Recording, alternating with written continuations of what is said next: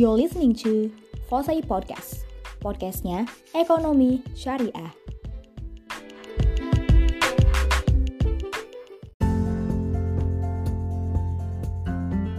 Assalamualaikum warahmatullahi wabarakatuh Hai Sobat Fose semuanya Kembali lagi di dalam Fose Podcast Podcastnya Ekonomi Syariah Nah pada kesempatan kali ini Saya Hansa Virus akan membersamai teman-teman semua Untuk diskusi dan ngobrol-ngobrol Terkait salah satu topik yang menarik banget Dan gak kalah dari bahasan-bahasan kita sebelumnya Apa sih itu? Nah, kesempatan kali ini kita bakal bahas terkait sertifikasi halal.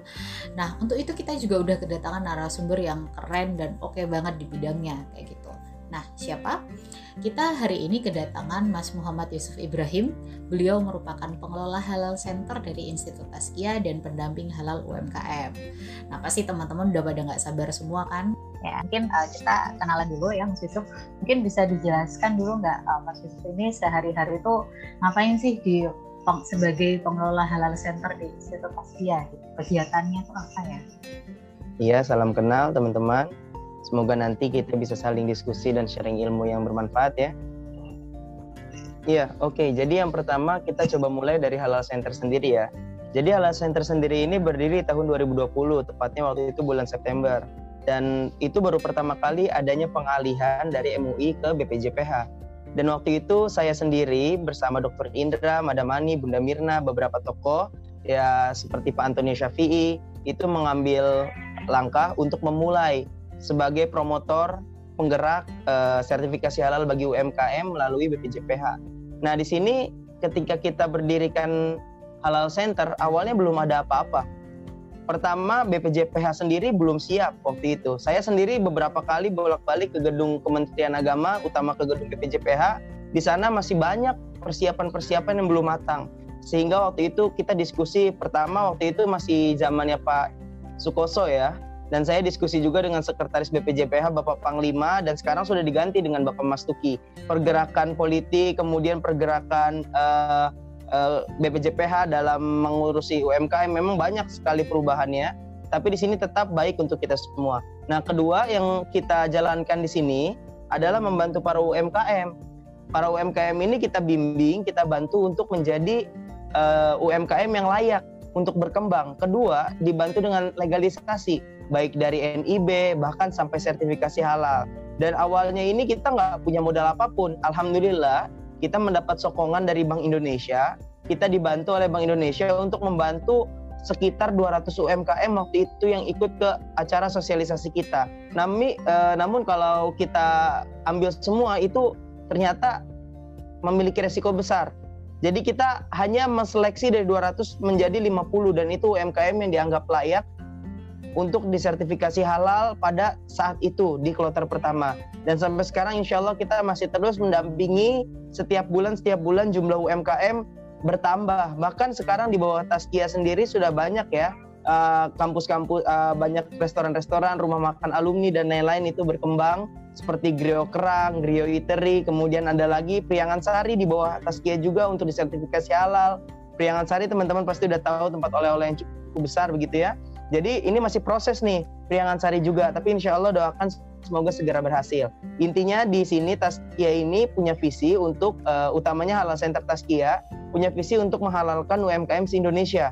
Bahkan kita sudah sampai ke Siak, Lombok, Kalimantan gitu. Tapi uh, eksekusi yang paling realistis pada saat ini kita baru di sekitar Jawa Barat, utamanya Jabodetabek yang sudah kita handle secara penuh. Sedangkan yang tempat-tempat lain insya Allah OTW bahkan banyak program-program besar yang kita kerjasamakan dengan uh, eh, BPJPH waktu itu ada Pak Mas Tuki atau Dr. Mas Tuki untuk program pengembangan Nah ini masih kita bicarakan dan insya Allah sebentar lagi akan kita eksekusi. Nanti kalau kita obrolkan lebih lanjut itu nanti di acara sesi yang lebih lanjut lagi. Ini baru sekitar spoiler aja untuk teman-teman. Begitu. Nah, luar biasa, keren ya, masya Allah buat perjuangannya untuk uh, UMKM supaya bisa apa sertifikasi halal gitu. Nah, uh, cuman mungkin muncul gitu, mas pertanyaan di benak teman-teman gitu. Kenapa sih kok kita ini di negara yang mayoritas Muslim gitu dengan populasi Muslim terbanyak di Indonesia, kenapa sih kok kemudian sertifikasi halal ini masih penting gitu, terutama untuk UMKM yang juga digiatkan oleh Halal Center Tasya. Jadi begini teman-teman, kita ini bukan hanya wajib untuk warga negara Indonesia berbisnis itu halal bukan, tapi kita ingin meningkatkan daya saing Indonesia di rancah internasional dalam berbisnis. Termasuk UMKM, karena UMKM adalah fondasi utama bisnis atau ekonomi Indonesia pada saat ini, utamanya di masa pandemi. Nih, pertama kita tarik kesimpulan dulu ya teman-teman. Jadi sertifikasi halal ini bukan hanya penanda bahwa dia itu halal. Sertifikasi halal itu bukan hanya penanda bahwa ini usaha punya muslim, bukan. Sertifikasi halal ini adalah penanda bahwa produk yang dijual dijamin kehalalannya, kehigienisannya sehingga bertaraf nasional. Jadi bisa dijual secara nasional dan ketika dibawa ke luar negeri itu bisa bersaing dengan produk-produk asing. Karena banyak produk-produk asing juga karena memang gaya halal yang sudah mendunia ya. Sekarang di mana-mana butuh sertifikasi halal. Coba silakan teman-teman ke Inggris, kemudian silakan teman-teman utamanya sekarang ke Thailand, terus uh, ke tempat-tempat yang nggak ada di dalam pikiran kita halal itu penting ternyata di negara-negara asing bahkan Korea yang notabene muslimnya sedikit itu udah jadi gaya hidup gitu. Jadi kita ingin mengekspansi bisnis negara kita ke luar negeri untuk memberikan uh, kontribusi. Nah, jadi sertifikasi halal ini fungsinya bukan cuma untuk menandakan bahwa oh kenapa harus halal kan kita muslim enggak, bukan dibahas di situ, tapi meningkatkan daya jual dan daya saing kita di luar. Nah, ketika dipindahkan ke BPJPH, ini ada cap negara. Teman-teman ini kalau bisa ditampilkan di kamera, ini saya akan tampilkan sertifikasi halal yang baru. Ada lambang Garudanya, ada kode khusus negaranya, ada uh, cap dari negara langsung itu kan. Kalau dulu dari MUI, MUI memang di bawah uh, apa koordinasi bersama negara, tetapi capnya tidak langsung nasional atau ada logo Garudanya. Nah, sekarang sudah ada cap nasional yang berarti sertifikasi halal sekarang berlaku di internasional. Ketika dibawa ke luar negeri, ini sudah diakui oleh seluruh dunia bahwa Indonesia sudah mensertifikasi halal produk tersebut. Jadi memiliki nilai jual yang lebih gitu. Jadi ini sangat besar tujuannya teman-teman. Jadi kita tidak bisa terbatas banyak produk yang nggak halal, banyak yang halal, bukan hanya di situ. Tapi nilai lebih di kita dalam persaingan bisnis dunia ini sudah menjadi ranah yang besar untuk uh, gaya hidup halal. Dan ini sangat sangat berkah ya untuk Indonesia yang notabene Muslim kedua kemampuan untuk sertifikasi halal ulama-ulamanya bahkan pen, penjual-penjualnya ini sangat kompeten. Jadi ini peluang bagi kita untuk mengembangkan bisnis kita bisnis negara kita bahkan bisnis UMKM kita di kancah internasional melalui sertifikasi halal. Nah, kira-kira uh, memuaskan nggak jawaban seperti itu keren keren keren. Jadi ada insight baru ya. Jadi justru malah meningkatkan uh, competitive advantage dari uh, produk-produk kita ketika saingannya itu luar negeri gitu ya. Pasarnya itu supaya lebih luas lagi gitu. Justru dengan adanya sertifikasi halal itu. Benar ya mas ya? Yang bisa saya tarik nih. Nah uh, terus selanjutnya nih ketika uh, Mas Yusuf dengan uh, halal center di Taskia itu kan mensosialisasikan kepada UMKM kemudian uh, menargetkan untuk uh, UMKM itu banyak yang bisa sertifikasi halal. Nah, apa sih mas tantangan yang kemudian ditemukan gitu? Apakah mungkin ada uh, masalah-masalah uh, terkait uh, UMKM yang itu menghambat gitu untuk meraih visi tersebut? Uh, saya pernah diusir pas lagi datang ke toko, kemudian saya sosialisasi halal dianggap saya menghina atau menjatuhkan toko tersebut. Dan saya sudah keliling Bogor teman-teman mungkin uh, awalnya ngelihat kita ketika berdiri, berdiri di puncak kemudian kita berhasil mensertifikasi halal menganggap bahwa pencapaian-pencapaian itu sangatlah mudah. Ternyata banyak cerita-cerita di balik itu di mana kita punya tim yang cukup besar tadinya dari 20 orang kemudian 20 orang itu menyusut jadi 10 orang 10 orang menyusut jadi lima orang kemudian bertambah lagi jadi 10 orang menyusut lagi jadi tiga orang. Karena dalam sertifikasi halal ini kita sebenarnya nggak dimodali dengan uang teman-teman jadi jujur saja, awal pendirian ini kita benar-benar kosong dan kita hanya modal kamu mau nggak berbakti ke negara, kamu mau nggak berbakti ke agama. Itu yang ditanyakan terlebih dahulu. Kita hanya diberikan bekal uh, mental di situ. Nah, sudah seperti itu ketika kita keliling-keliling, kita mensosialisasikan. Awalnya kan kita tidak mengundang teman-teman. Kita datang nih, saya saya salah satu pelaku yang keliling Kota Bogor. Waktu itu saya di Empang. Teman-teman tahu kan Empang itu adalah toko muslim yang menjual orang-orang Arab. Saya datang ke toko-toko itu, saya tanya, Mas, ini yang produk-produk halal yang mana aja? Kemudian saya bilang, ini ada sertifikasi halal nggak? Ini uh, kita mau sosialisasi gini-gini. Akhirnya waktu itu saya inget banget, saya waktu itu di seperti disamperin sama pemilik toko, petugasnya, kemudian saya diusir gitu. Sudah pergi sana kamu, macam-macam kayak gitu. Kamu dari dinas mana gitu kan? Nah ini ini saking saking uh, apa namanya kurangnya sosialisasi kita kepada para pengusaha-pengusaha bahkan itu orang Arab yang Muslim gitu kan, yang di Empang gitu, itu kampung Arab gitu. Artinya di sini banyak sekali tantangannya teman-teman.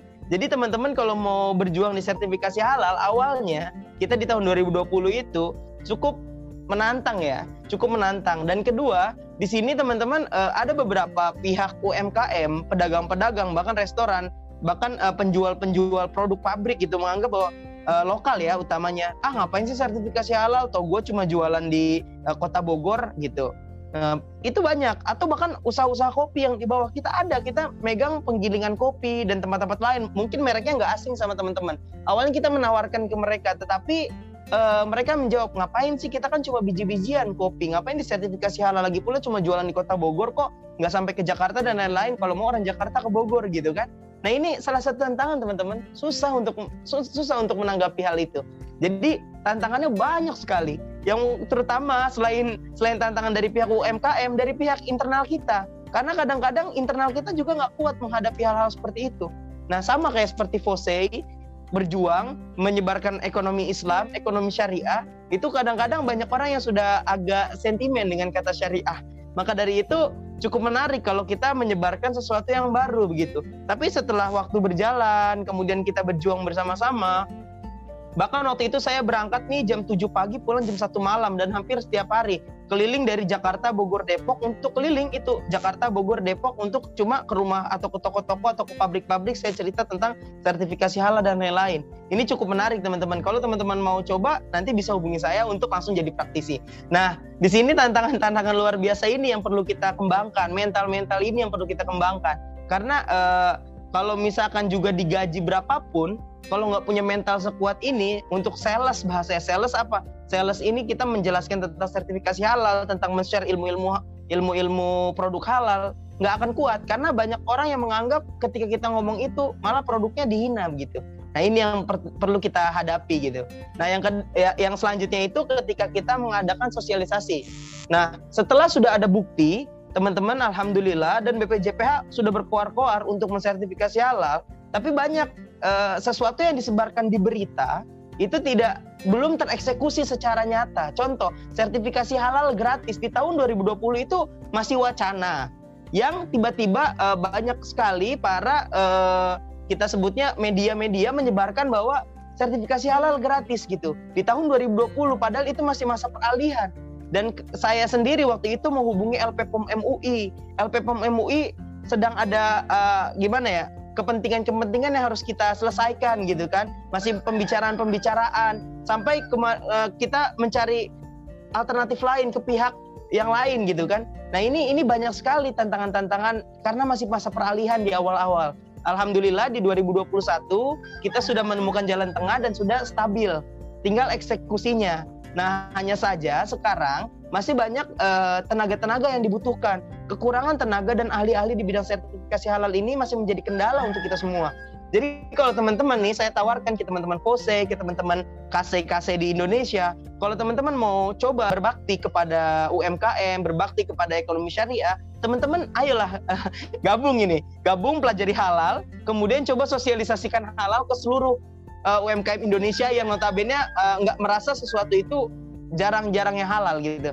Dan kedua produk ya, yang masalah produk nih, yang selanjutnya masalah produk. Produk juga ternyata nggak semua halal teman-teman. Nah kendala teman-teman kita ini seperti rumah potong menganggap cara potongnya itu halal. Ternyata ketika disosialisasikan bukan hanya halal di, salah, di masalah potong leher, tapi bagaimana cara dia nanti menguliti hewan itu, kemudian membiarkan hewan itu mati, kemudian mengendapkan uh, dagingnya biar darahnya keluar dulu. Itu itu banyak tantangan. Rumah potong rumah potong bahkan habis yang dibeset lehernya, dipotong lehernya, langsung dimasukin ke kar karung, belum ada satu belum ada 12 menit, belum ada 16 menit atau darahnya belum keluar semua langsung dicelupin di air panas. Jadi dia mati hidup-hidup dan itu jadi nggak halal. Tapi banyak yang tidak memperhatikan. Jadi ilmu seperti itu yang harus disosialisasikan. Dan cara mensosialisasikan itu adalah tantangan untuk kita semua. Jadi teman-teman uh, tantangan utama di sini adalah uh, tenaga ahli di bidang halal yang siap mental untuk melakukan sosialisasi kepada UMKM yang memang notabene muslim uh, pintar ngaji, tapi secara teknis banyak yang belum memenuhi kriteria dalam uh, pemenuhan sertifikasi halal atau pemenuhan praktek halal. baik di rumah potong, baik di tempat makan, sampai di produksi-produksi biji-bijian yang notabene itu adalah tanaman hasil halal. Begitu. Kira-kira uh, ada lagi yang perlu saya jelaskan ini atau masih kurang jelas yang baru saya jelaskan? Yang tadi keren banget sih udah jelas banget. Karena emang menarik ya mas. Uh, rata-rata orang-orang itu mindsetnya ketika bicara gak halal itu oh ada babinya gitu ya. Langsung saya bilang mungkin kan kayak gitu ya orang-orang mikirnya oh ada babinya. Ternyata kan uh, ketika prosesnya salah tadi ya seperti apa uh, potong sapi itu tadi terus uh, ada part darah mengendap. ya, hmm, darahnya mengendap. Itu kan juga tidak tepat kayak gitu. Nah ini mungkin sangat bermanfaat banget ya buat sobat fungsi gitu. Karena mungkin uh, apalagi kalau kita misalnya kayak beli daging di pasar gitu kan kadang-kadang kita juga nggak aware ya apakah uh, brand berprosesnya dari hulu ke hilir sampai kita pegang nih halal apa enggak kayak gitu. Nah uh, mungkin uh, di untuk pendengar uh, Jose Podcast merintis usaha kecil-kecilan gitu. Nah, ketika pengen sertifikat uh, mendapatkan sertifikasi halal tadi kan sempat udah disinggung gitu bahwa uh, biayanya tuh gimana sih dan prosesnya gitu. Mungkin bisa dijelaskan secara singkat gitu. Iya, baik kalau seperti nah ini kita bahas sisi UMKM ya teman-teman ya. Ini kita balik dulu ke 2020. Saya selalu memulai dari awal kenapa? Karena memang banyak eh, perubahan-perubahan regulasi yang terjadi sejak September 2020 sampai sekarang September 2021. Teman-teman perlu tahu, waktu itu saya baru berdiri eh, eh, bersama tim utamanya bersama Madam Ani uh, kalau teman-teman kenal itu adalah Rektor Institut Agama Islam Taskia. Kemudian ada Bunda Mirna uh, kemudian ada Bapak Syarifuddin Direktur uh, Andalusia Islamic Center. Kemudian ada Dr. Indra Direktur Halal Center. Itu kan kita mendirikan Halal Center dan almarhum Bapak Yazid yang sekarang alhamdulillah beliau insya Allah sudah di tempat yang baik, sudah di surga karena salah satu pendiri kita, salah satu pencetus ini sudah mendahului kita di tahun 2021 awal, teman-teman. Jadi mohon doanya uh, untuk keselamatan dan keberkahan keluarga beliau yang ditinggalkan insya Allah. Nah jadi kalau kita membahas dari sisi sertifikasi halal, terjadi perubahan regulasi yang sangat banyak teman-teman. Nah waktu itu saya ingat sekali, waktu itu penyatuan BSI di tahun 2021 Maret dan itu ada perubahan regulasi lagi tentang halal. Kemudian ada lagi uh, perbaikan regulasi lagi belum lama ini, belum ada sebulan begitu kan. Artinya uh, banyak perubahan-perubahan yang terjadi teman-teman. Nah, sebelumnya saya sering mendapat kritik dari para UKM, Mas, kenapa sih ribet banget sertifikasi halal gitu? Ini kenapa harus susah? Kan kita usaha kecil, kenapa nggak dipermudah? Tunggu dulu teman-teman. Memang kita merasa usaha kecil, tapi jangan sampai karena kita merasa usaha kecil, aspek-aspek penting yang harus kita perhatikan dalam produksi dan menjamin mutu ya. Di sini menjamin mutu produk yang dikonsumsi umat manusia. Saya nggak ngomong, saya nggak ngomong ini ya, ini umat manusia. Ini sangat penting. Jadi jangan disepelekan. Nah, jadi standar-standarnya disamakan katanya dengan usaha-usaha yang bagus. Contoh, yang paling susah ini kan sertifikasi halal ini katanya disamakan dengan standar perusahaan menengah dan besar gitu. Padahal sama saja. Yang ditekankan di sini adalah bahan, kemudian fasilitas produksi. Nah, teman-teman nanti saya bagi uh, materi sedikit tentang 11 kriteria manajemen halal uh, eh, 11 kriteria jaminan halal. Nanti itu materi penting yang kalau teman-teman ikut pelatihan itu cukup lama, bisa sehari, dua hari, tiga hari. Dan insya Allah nanti saya bagi cuplikannya sedikit. Gitu. Jadi kita kalau mau sertifikasi halal ini awalnya nih dikira biaya kan gratis. Memang biaya pendaftaran di BPJPH gratis, tapi ada namanya proses audit teman-teman.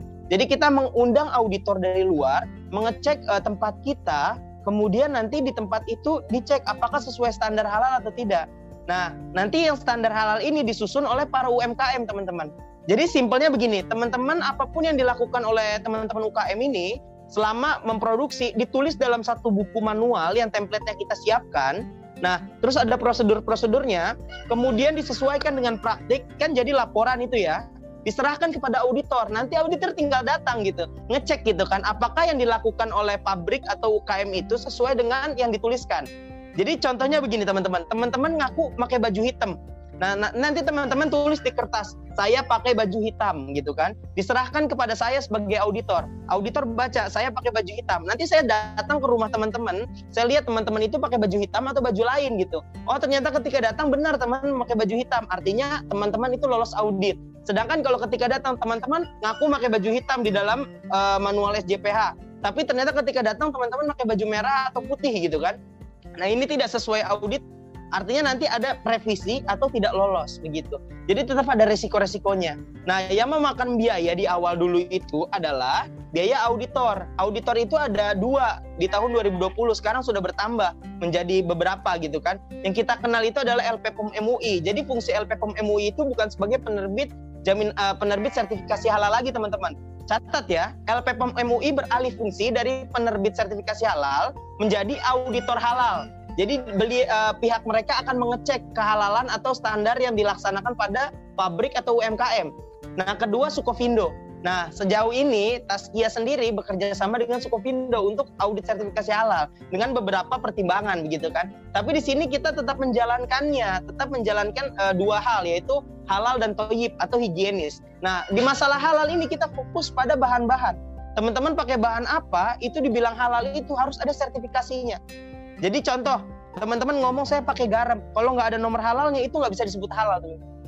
Kecuali positive list. Nah itu bahasannya materi panjang lagi teman-teman. Bisa ikut pelatihan di MUI atau di di tempat-tempat kayak yang lain lah. Insya Allah Taskia juga buka pelatihan juga dan mendapat izin dari LSP MUI sebagai uh, tempat pelatihan uh, bersertifikasi resmi. Nah kemudian uh, selain bahan fasilitas teman-teman fasilitas itu dicek nah itu kan cukup berat saya pernah mengikuti proses audit itu datang jam 7 pulang jam 10 malam di satu restoran di daerah Cibinong itu UMKM binaan kita dan sampai sekarang uh, sertifikasi halalnya belum terbit karena memang banyak proses-proses yang bertumpuk gitu Nah, ada juga kita datang serti, uh, audit itu jam 7 datang, jam 10 selesai. Karena mereka mudah untuk diaudit dan berkasnya rapi. Dan sekarang sudah terbit sertifikasi halalnya itu UMKM binaan kita juga. Di sini boleh ngomong merek nggak? Takutnya jadi promosi gitu kan? Nanti saya nyebutin merek UMKM kita jadi promosi gitu untuk dibeli. Ya, boleh. Ibu moderator. Oh, hmm. boleh sih nggak apa-apa buat contoh ya. Iya, buat contoh-contoh teman-teman nih.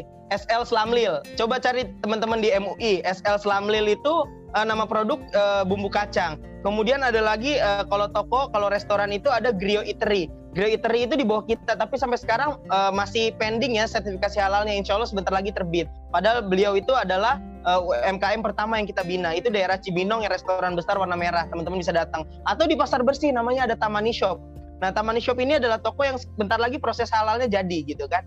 Nah, banyak sekali toko-toko. Bahkan nanti uh, yang sudah terbit tuh ada sampai dari Bekasi, cap tiga daun itu teh.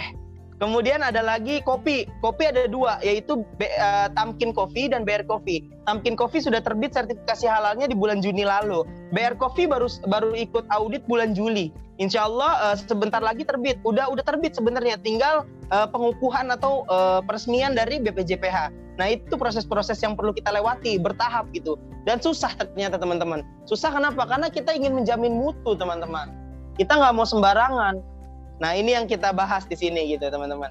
Nah untuk masalah biaya yang tadi saya bilang itu adalah uh, biaya kita untuk uh, mengundang audit. Nah kita bayar ke auditor, terserah mau LSP, eh, mau LPPOM MUI atau Sukovindo. Tapi sejauh ini Taskia bersama Sukovindo. Tapi kadang-kadang uh, juga kita memanggil LP Pemui untuk uh, beberapa usaha gitu kan. Nah, terus uh, kalau memang nanti misalkan sudah selesai di uh, Sukovindo, itu dikembangkan lagi ke mana? Dikembangkan untuk uh, sidang fatwa. Nah, mengundang 20 ulama untuk satu sidang ini kan tetap uh, mungkin uh, nanti Sukovindo atau LP Pemui ada beberapa biaya yang keluar. Nah, itu yang kita bayarkan. Yang itu yang kita bayarkan untuk para UKM. UKM. Tapi sejauh ini alhamdulillah karena kita mensponsori para UKM dengan uh, apa namanya? dengan uang dari Bank Indonesia, mensponsor mendapat sponsor uang dari Bank Indonesia untuk para UKM, jadi kita bisa menanggung biaya-biaya untuk para UKM gitu. Jadi ini cukup cukup banyak inilah banyak perkembangan perkembangan yang bisa kita kembangkan gitu. Dan insya Allah biayanya nggak mahal kok teman-teman. Kalau dulu ya teman-teman ini biayanya mungkin uh, untuk auditor dan lain-lain seperti ini itu memakan hanya sampai satu ya paling murah itu satu juta lima puluh ribu sampai tiga juta gitu kan. Tetapi sudah kita ajukan juga ke BPJPH. Ini kita dapat keluhan nih UKM UKM bayar segitu kalau sendiri kan berat. Tapi yang ternyata UKM yang mau dihalalkan itu ada klasifikasi teman-teman. Ini teman-teman Fose mungkin udah tahu ya. Saya sampaikan lagi. Perusahaan yang disebut usaha mikro itu memiliki aset usaha sekitar 1 sampai 50 juta. kecil menengah kecil itu disebut kecil itu atau menengah dia 50 sampai 500 juta. Teman-teman bayangkan, usaha yang asetnya 50 sampai 500 juta atau 1 sampai 50 juta, apakah itu perusahaan yang tidak sanggup bayar uh, biaya 1 juta rupiah? Apakah pendapatan di bawah itu tidak gitu teman-teman? Nah kalau usaha-usaha di bawah 1 juta kita sebut usaha-usaha lain itu kan. Jadi kita tetap fokus ke usaha yang ingin mengembangkan gitu teman-teman. Teman-teman buka usaha dengan modal 500 juta itu masih masih kecil menengah jadi seperti itu teman-teman. Jadi kalau perusahaan besar itu di atas satu miliar. Kalau eh, di antara 500 dan satu miliar itu masih menengah gitu kan. Jadi eh, banyak klasifikasi-klasifikasi yang kita arahkan gitu. Tapi untuk uh, UMKM UMKM yang insya Allah nih setelah disampaikan juga pemerintah kita langsung gercep gitu, langsung diterbitkan program sehati. Baru sosialisasi kemarin hari Jumat saya ikut rapat bersama BPJPH dan salah satu uh, eh, UKM binaan kita diundang sebagai uh, saksi yaitu uh, Andin Cake. Andin Cake teman-teman bisa cari di IG atau di mana-mana itu sudah tersertifikasi halal. Dan kemarin diundang ke BPJPH untuk mendapatkan sertifikat langsung dari Bapak Menteri Agama, Bapak Yakul, gitu kan. Jadi uh, ini su sudah cukup cepat ini. Jadi program sehati yang nanti disosialisasikan meskipun sekarang belum uh, terjalankan, tapi segera gitu kan, insya Allah. Nah sudah disosialisasikan secara masif, pasti jalan gitu kan, insya Allah ya kita doakan semoga lancar, itu nanti akan uh, memberikan sertifikasi halal gratis bagi para UMKM. UMKM ini masuk kategori mana? Nanti akan ada kategorinya. Dilihat dari mana? Dari NIB. NIB itu dibuat dari lembaga OSS. Nah, salah satu tugas uh, Halal Center ini bukan hanya sertifikasi halal, kita bikin legalnya, izin usahanya, bahkan kadang-kadang kita bikin NPWP untuk mereka, kemudian bikin NIB, IUMK, kemudian kita bahkan bikin uh, izin-izin legal lainnya gitu kan. Ini kita bukan cuma masalah halal ya, kita seperti legal consultant gitu. Jadinya karena memang uh, banyak persyaratan-persyaratan yang harus dipenuhi. Itu itu yang perlu kita gambarkan teman-teman. Jadi yang pertama uh, kita garis bawahi bahwa sertifikasi halal ini insya Allah uh, memang kemarin-kemarin masih ada biaya tapi biaya nggak mahal kok. Dan target kita itu adalah UMKM UMKM yang memang menengah atau yang kecil menuju perkembangan menengah. Semoga dengan sertifikasi halal bahkan bisa berkembang menjadi besar gitu. Nah ini target kita. Nggak nggak selamanya kita harus disubsidi pemerintah sebagai pengusaha. Kita bahkan yang harus memberikan uh, kontribusi besar sebagai pengusaha. Nah yang kedua kita uh, pemerintah menerbitkan program sehati dan semoga cepat jalan. Ini bisa membantu uh, mendorong ya, mendorong ekonomi UMKM untuk maju terus gitu. Nah, dengan dengan jalan-jalan seperti itu, sertifikasi halal ini bisa jadi alat. Nah, alat untuk apa? Untuk pengembangan ekonomi Indonesia di kancah internasional. Utamanya sertifikasi halal yang udah dibawa Kementerian Agama dan diakui secara internasional di bawah nama Indonesia atau pemerintah Republik Indonesia. Begitu. Wah kepanjangan saya ngomong kayaknya. Oke, ya. Oh itu sangat komprehensif dan lengkap banget gitu. Nah, ada gambaran gitu bahwa oh jadi memang kita butuh biaya gitu, cuman kan masih terjangkau gitu. Nanti mungkin kalau teman-teman pengen mendaftarkan usahanya gitu, kalau bingung ribet gitu mungkin bisa ke halal center pasti aja gitu kali ya. Nah, uh, tapi ini sih mas tadi kan yang sering kita singgung itu kan perihal uh, produk halalnya itu makanan gitu. Nah cuman saya itu beberapa waktu yang lalu tuh sempat ngobrol sama ya let's say orang-orang awam kayak gitu. Nah kemudian mereka sempat bertanya gitu kenapa sih uh, kan suka ada uh, sekarang itu kayak banyak produk-produk yang misalnya kayak uh, pelembut pakaian halal kemudian kemarin sempat ada yang bikin tuh kayak kulkas halal terus itu ada kaos kaki halal kayak gitu. Nah uh, sebenarnya gimana sih mas pandangannya terkait uh, produk-produk yang sekarang itu disertifikasi halal tapi uh, itu tuh bukan makanan gitu? Kenapa sih kok itu penting kayak gitu mungkin itu jadi pertanyaan beberapa orang awam juga gitu di luar sana. Oke, uh, kita berarti kalau bahas kayak gini balik ke dua unsur yang menjadi topik utama, yaitu babi. Kita tarik dulu ya ke babi ini ini masuk bahasan ini loh. Ini masuk bahasan pelatihan sertifikasi uh, pelatihan penyelia halal. Ya teman-teman kalau ikut pelatihan penyelia halal ini detail. Jadi satu bahasan itu panjang gitu. Nah saya jelaskan secara singkat aja di sini.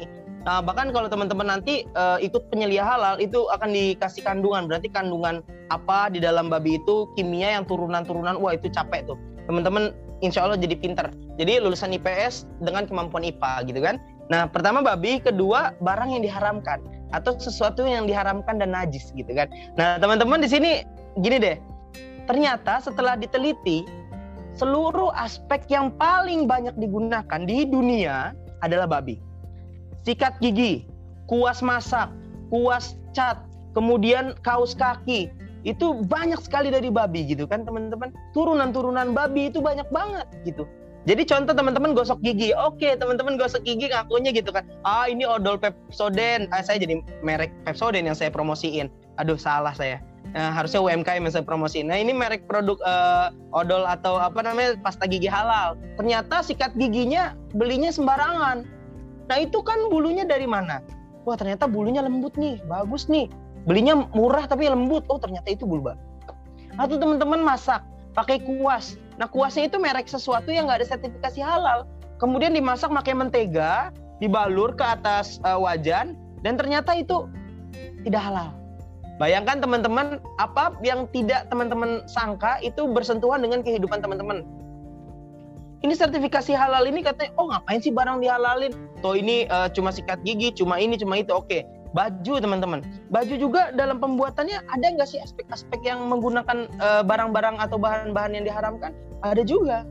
Seperti bu, apa nih bulu-bulu, kemudian kulit-kulit. Teman bayangkan coba kalau dari kulit anjing, tapi teman-teman nggak tahu pakai tas keren gitu. Banyak kan di uh, Inggris, kemudian banyak di mana-mana gitu kan.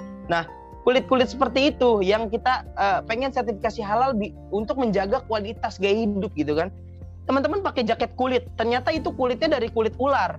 Oke, kita nggak tahu bagaimana hukum sertifikasi halal, eh, bagaimana hukum ular gitu kan. Tapi kan teman-teman bisa bayangkan hewan-hewan yang melata yang seharusnya dijaga alam, kemudian dibiarkan hidup dari sisi ini aja, jangan halal dulu deh. Dari sisi satwa yang harus dilindungi terus dijadikan kulit, dijadikan baju gitu kan. Nah kemudian teman-teman pakai setiap hari. Apalagi nanti nggak ketahuan ini sepatu dari kulit babi. Ada banyak sepatu dari kulit babi teman-teman harus tahu uh, merek apa pun yang menggunakan kulit babi. Saya dulu pernah jualan sepatu selama setahun. Saya bisnis sepatu dulu, uh, bukan bisnis sih kerja saya kerja jualan sepatu dan saya tahu sepatu yang pakai kulit babi itu mereknya apa, baunya bagaimana beda. Kalau kulit sapi baunya bagaimana beda. Teman-teman tinggal cium kalau udah pernah jualan sepatu itu tahu bau-bau sepatu yang pakai kulit babi, pakai kulit uh, sapi, tapi pakai kulit ular itu beda-beda semuanya. Jadi teman-teman harus menjaga kualitas hidup teman-teman gitu. Jangan sampai nanti pas pakai baju nih muslim ya sorry nih perempuan. Pakai baju muslim oke kainnya dari kain wol atau kain apa namanya yang kita sebut ini kain sutra gitu. Oke bagus perempuan boleh gitu kan kerudung sutra. Ternyata kacamata kacamata pakai apa namanya uh, yang batang-batangnya itu yang lilinnya itu dari apa namanya khusus babi gitu kan. Atau dari kandungan-kandungan babi. Kan bisa ngebuat tuh babi menjadi penguat bisa juga. Kemudian memakai tas ternyata tasnya dan sepatunya kulit babi gitu kan Nah, teman-teman harus belajar babi dan turunan-turunannya. Kalau saya jelasin bisa sampai nanti sore. Nah, itu turunannya banyak. Jadi ketika kita membuat produk baru dari babi aja itu udah banyak. Saya bahas lagi ke sisi yang barang haram selain babi banyak lagi. Capek nanti kalau kita bahas semua. Artinya gini, teman-teman, ini untuk menjaga kualitas hidup dan penjamin mutu yang dipakai umat manusia. Sekali lagi, penjamin mutu yang dipakai umat manusia. Gelas juga, ini gelas juga dibuat itu dari bisa dari sesuatu yang berunsur babi. Sorry, uh, vaksin. Ada beberapa yang isu-isu yang ada dia bagian dari babinya, padahal bukan dari vaksinnya, tapi alat yang digunakan adalah bagian dari sesuatu yang mengandung babi. Itu kan salah satu pertimbangan juga menjadi ricuh lah. Nah ternyata yang kita pakai sehari-hari nggak disadari itu mengandung sesuatu yang diharamkan. Teman-teman nggak bayang aja gitu kan? Itu itu yang masalah kita jaga gitu kan? Masalah kita jaga. Sorry karena ternyata dalam kehidupan kita banyak teman-teman dan kita nggak sadar kita nggak sadar itu mengandung sesuatu yang diharamkan. Itu bahaya. Nah ini masalah barang ya. Kenapa sih harus di kalau kan silahkan kalau menganggap nggak perlu, tapi silahkan Anda sikat gigi setiap hari, masak kue setiap hari, minum di gelas, minum di sendok plastik, makan pakai sendok plastik, kemudian uh, pakai apa lagi? Pakai tas, pakai sepatu, silahkan. Tapi kalau Anda merasa muslim ya janganlah hindari seperti begitu. Dan bahkan orang-orang non muslim sekarang banyak yang mengincar produk halal. Dan saya nggak tahu mengapa tapi ternyata menurut penelitian mereka mencintai produk halal bukan karena halalnya tapi karena sisi kesehatannya sisi kebersihannya itu yang dia pandang. Nah masa kita kalah sih sama orang non muslim dan kedua pasarnya lebih besar. Kalau kita udah sertifikasi halal dunia udah mencari gitu. Apalagi Korea Thailand negara non muslim tapi pemasok halal. Ah sayang banget Indonesia sayang banget Indonesia masa kalah sama Thailand betul nggak Nah, teman-teman sebagai pejuang jangan sampai kalah gitu kan. Bisnis ayo dan bisnisnya halal. Insya Allah dunia dipegang di kita. Gitu teman-teman.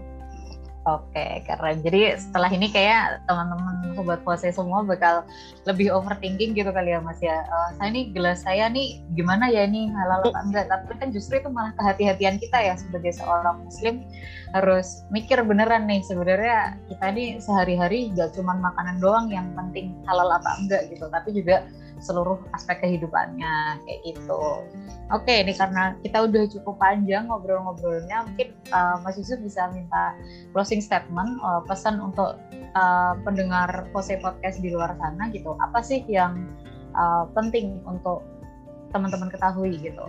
Maksudnya di akhir nih uh, ada pesan apa sih atau mungkin harapan apa gitu buat sobat Pose semuanya? Iya nih, uh, jadi tadi saya udah terlanjur janji ngomong mau menjelaskan sedikit tentang 11 kriteria jaminan halal. Tapi karena mungkin ya kalau saya jelaskan makan makan waktu dua jam lagi gitu kan. Jadi teman-teman saya tekankan lagi ya, teman-teman tekankan lagi untuk memandang sisi sertifikasi halal ini bukan hanya sebagai kehalalan pada sebuah produk. Saya juga sering di sorry ya, saya pas membantu perusahaan, tiba-tiba pemiliknya atau uh, manajernya ngomong begini, Mas kan lebih banyak produk yang haram ngapain sih sertifikasi halal nggak sertifikasi haram gitu kan? Kan yang halal banyak yang haram sedikit gitu. Oke teman-teman dibayangkan dulu deh. Kalau yang halal sedikit uh, banyak yang haram sedikit tapi kan teman-teman nggak tahu turunan-turunannya sebanyak apa gitu. Produk yang dihasilkan dari haram itu nggak tahu dari apa gitu kan? Bahkan perubahan molekul perubahan molekul yang terjadi pada tempe tahu kemudian pada yogurt dan lain-lain itu kalau tidak memasuki standar tertentu akan mengandung alkohol gitu kan. Nah ini akan diharamkan juga. Itu sampai perubahan zat di dalam sebuah makanan. Jadi teman-teman harus uh, benar-benar deh, benar-benar uh, rinci dalam menyiasati atau menjalankan itu. Contoh, oke, okay, disebut durian halal nggak? Halal nggak teman-teman? Durian halal kan? Nah, kalau durian halal. nanti kita kita biarkan dalam satu kondisi tertentu, kita makan, eh tiba-tiba mabuk. Itu jadinya durian halal atau duriannya yang haram. Itu perubahan molekul kan? Nah, itu yang susah. Jadi kita bukan berfokus pada mengharamkan atau menghalalkan, tapi menjaga kualitas dan mutu suatu produk. Mulai dari pakaian, kemudian mulai dari fashion, uh, kemudian tempat tinggal, bahkan sampai uh, ke tempat ini ya, sampai ke makanan kita. Chat juga kita pantau apakah halal atau enggak. Itu susah tuh teman-teman. Jadi uh, di sini saya menyarankan ya, ini sebagai closing statement dimintakan biasa kalau uh, closing statement itu isinya kesimpulan dan saran. Kesimpulannya adalah halal itu adalah gaya hidup dan gaya hidup ini bukan cuma muslim. Ini jadi gambaran orang-orang non muslim yang ingin gaya hidup sehat dan keren gitu kan. Nah, kedua dari sisi bisnis, kalau kita fokus ke bagian bisnis halal, teman-teman bisa dapat bahasanya peluang-peluang besar gitu kan di kancah internasional. Jadi jangan sia-siakan loh, jangan kalah sama Korea sama Thailand. Teman-teman mainnya yang jauh dulu kata orang-orang tuh kan. Silahkan kalau nggak percaya kata-kata saya, teman-teman pergi ke Korea hari ini. Teman-teman pergi ke Thailand hari ini silahkan. Gak apa-apa, nanti saya nyusul gitu kan. Kalau nggak bayarin tiket saya nggak apa-apa gitu kan. Nah teman-teman jalan dulu gitu, lihat di sana. Nanti setelah pulang pasti sadar, oh negara gue Muslim nih. Tapi ternyata gue melihat Islam di Korea tapi tidak melihat Muslim. Sedangkan di Indonesia saya melihat Muslim tapi saya tidak melihat Islam begitu mungkin nanti kata-kata itu yang keluar banyak orang-orang ngomong begitu gitu kan jadi eh, kesimpulannya yang tadi tuh teman-teman pelajari dan jadi tenaga ahli sertifikasi halal atau uh, produk halal. Kurang. Indonesia ini kurang. Jadi teman-teman saran saya nah udah tadi kesimpulan ya kan kekurangan tenaga ahli. Sarannya adalah teman-teman pelajari. Jangan sampai para pengusaha kita masyarakat kita itu jadi tetap meremehkan sampai sekarang. Tetap meremehkan sampai sekarang. Maaf saya bicara sekali lagi ini sebagai berita aja. Saya tidak hanya menangani para pengusaha muslim, teman-teman. Ada beberapa klien kita di halal center itu non muslim. Wah, tapi gencar banget kejar halal. Mas Yusuf, ini saya mau halal nih, tapi saya jujur, saya non muslim. Oh, saya gimana? Oke, pas saya kirimin uh, eh, CV-nya sama beberapa berkas, namanya nggak sesuai nama kita. Oke, nggak apa-apa, Pak kan oke pak nggak apa-apa oke nggak apa-apa bu ibunya namanya uh, nama-nama yang inilah yang yang jarang kita dengar gitu kan tapi mereka semangat gitu masa kita kalah gitu kan masa pengusaha muslim pemuda muslim yang malah meleye gitu kan itu baru di Indonesia belum dibawa ke luar negeri gitu teman-teman. Oke, jadi teman-teman, saya bukan saran ini ya, saya perintah ini. Saya bukan saran. Sekali lagi saya tekan saya perintah ini ke seluruh para pemuda Posei. Uh, kalian itu belajar tentang produk halal, wajib untuk diri kalian sendiri yang pertama, kedua untuk disosialisasikan ke teman-teman kita. Karena sekarang uh, itu yang paling kita butuhkan. Dan bahkan kalau kita ngomong ekonomi syariah, semua pada sentimen takut. Tapi kalau ngomong ekonomi halal ke luar negeri, teman-teman, itu udah disebut sebagai halal lifestyle. Ekonomi halal adalah ekonomi yang uh, berbasis Islam dan di, lebih diterima, lebih diterima oleh teman-teman non Muslim daripada yang syariah. Kalau teman-teman bisa mendalami halal itu dari sisi keuangan, dari sisi uh, dari sisi produksi, dari sisi bisnis, teman-teman bisa jadi pengusaha. Saya juga ingin jadi pengusaha. Nanti insya Allah kita usaha bareng semua. Nah, kalau nggak kalau nggak mau jalan sendiri, kita saling kerjasama aja nanti. Oke, mungkin itu ya uh, penutup dari saya yang berisi kesimpulan, sedikit saran dan satu perintah wajib. Oke, sekian dari saya mungkin uh, kembali ke moderator. Oke, terima kasih Mas Yusuf biasa banget. Nah jadi kita udah bincang-bincang panjang banget tuh bahwa emang yang namanya halal itu lifestyle ya, bukan cuma food gitu ya, bukan cuma makanan gitu. Kalau kita sehari-hari kan masih mikirnya tadi ya halal itu makanan gitu, tapi ternyata itu adalah lifestyle yang memang bukti bahwa Islam itu rahmatan lil alamin gitu bahwa di mana-mana itu justru uh, produk halal ini justru diterima gitu ya eh, orang-orang luar negeri justru sangat welcome gitu. Nah luar biasa sekali. Terima kasih Mas Yusuf atas waktunya yang lumayan panjang ini bincang-bincangnya. Saya juga tidak menyangka sampai sepanjang ini, tapi sangat insightful. Saya yakin bakal bermanfaat buat teman-teman semuanya. Uh, Oke buat sobat Mose semuanya terima kasih sudah mendengarkan sampai akhir episode podcast ini. Sampai berjumpa di episode podcast selanjutnya. Terima kasih. Wassalamualaikum warahmatullahi wabarakatuh.